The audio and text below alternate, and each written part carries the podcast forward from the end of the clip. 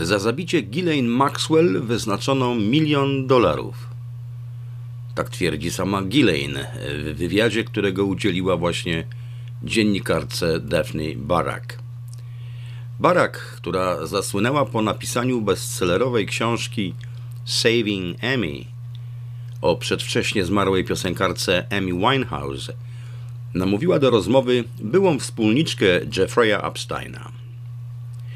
Ghislaine, która otrzymała wyrok 20 lat więzienia, opuściła mury więzienia na Brooklynie w Nowym Jorku, gdzie podobno próbowano ją zabić podczas snu i została przewieziona w środku nocy 22 lipca do ośrodka o złagodzonym rygorze w Tallahassee na Florydzie. Osadzona nie czuje się jednak dużo lepiej, bo musi dzielić mikroskopijnej wielkości cele z trzema innymi więźniarkami. Wyjść z niej może zaledwie na jedną godzinę dziennie, a i to tylko pozostając wewnątrz murów, bez szansy na spacer na świeżym powietrzu. Maxwell skarży się też na ograniczenia w korzystaniu z prysznica, monotonne wyżywienie, brak dostępu do internetu i fakt, że pisać może tylko do osób z ograniczonej listy adresatów, do tego jedynie na 30-letniej maszynie do pisania.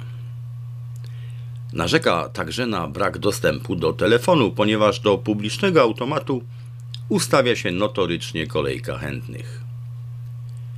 Ghislaine w swej opowieści przedstawia się oczywiście z jak najlepszej strony, wskazując, że pracuje w więziennej bibliotece, a współwięźniarki uczy języka angielskiego i pomaga im w pisaniu podań oraz tłumaczeniu dokumentów. Trudno jej zrozumieć brak w codziennej diecie pomarańczy.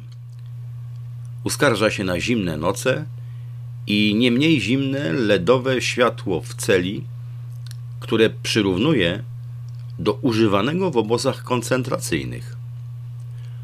Trudno ocenić, z jakich źródeł czerpie inspirację do tych porównań, ale z ogromną determinacją powtarza, że nie ma myśli samobójczych. A słynna fotografia księcia Andrzeja z 17-letnią Virginią Roberts jest fałszywa.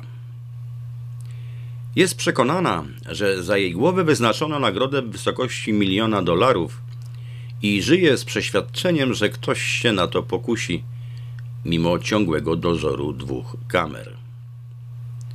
Opowiadając o swoim smutnym życiu, nie ukrywa jednak, że w poprzednim miejscu odosobnienia było gorzej, bo z głodu musiała jeść wazelinę, a strażnicy więzienni w ogóle nie kryli się z rozprowadzaniem narkotyków. Dużą nadzieję pokłada w złożonej przez siebie apelacji. Podkreśla też, że nie czuje się ofiarą, dodając na koniec, że Oczywiście takie doświadczenie zmienia, ale jestem w pewnym stopniu tą samą osobą, którą byłam. Więc zamiast patrzeć na to, co straciłam, staram się widzieć, co zyskałam. Naturalnie w całej tej łzawej historii nie pojawiła się nawet krótka wzmianka na temat jej byłego partnera i wspólnika, a już tym bardziej nie pochylono się nad jednym choćby przypadkiem spośród tych setek dziewcząt, które ofiarami zbrodniczej pary czują się do dziś. Na podstawie książki Daphne Barak o Winehouse zrobiono ośmiodcinkowy dokument telewizyjny, którego przygotowanie zaangażował się znany brytyjski dziennikarz Mal Young. Barak przeprowadzała w swym życiu wywiady z takimi osobami jak Hillary Clinton czy Nelson Mandela – nie jest więc nowicjuszką na rynku medialnym. Jestem przekonany, że i to przedsięwzięcie znajdzie wsparcie zarówno w amerykańskich, jak i brytyjskich mediach głównego nurtu, a historia Ghislaine Maxwell będzie kolejnym sukcesem, choć z pewnością nie wszystkich zainteresowanych.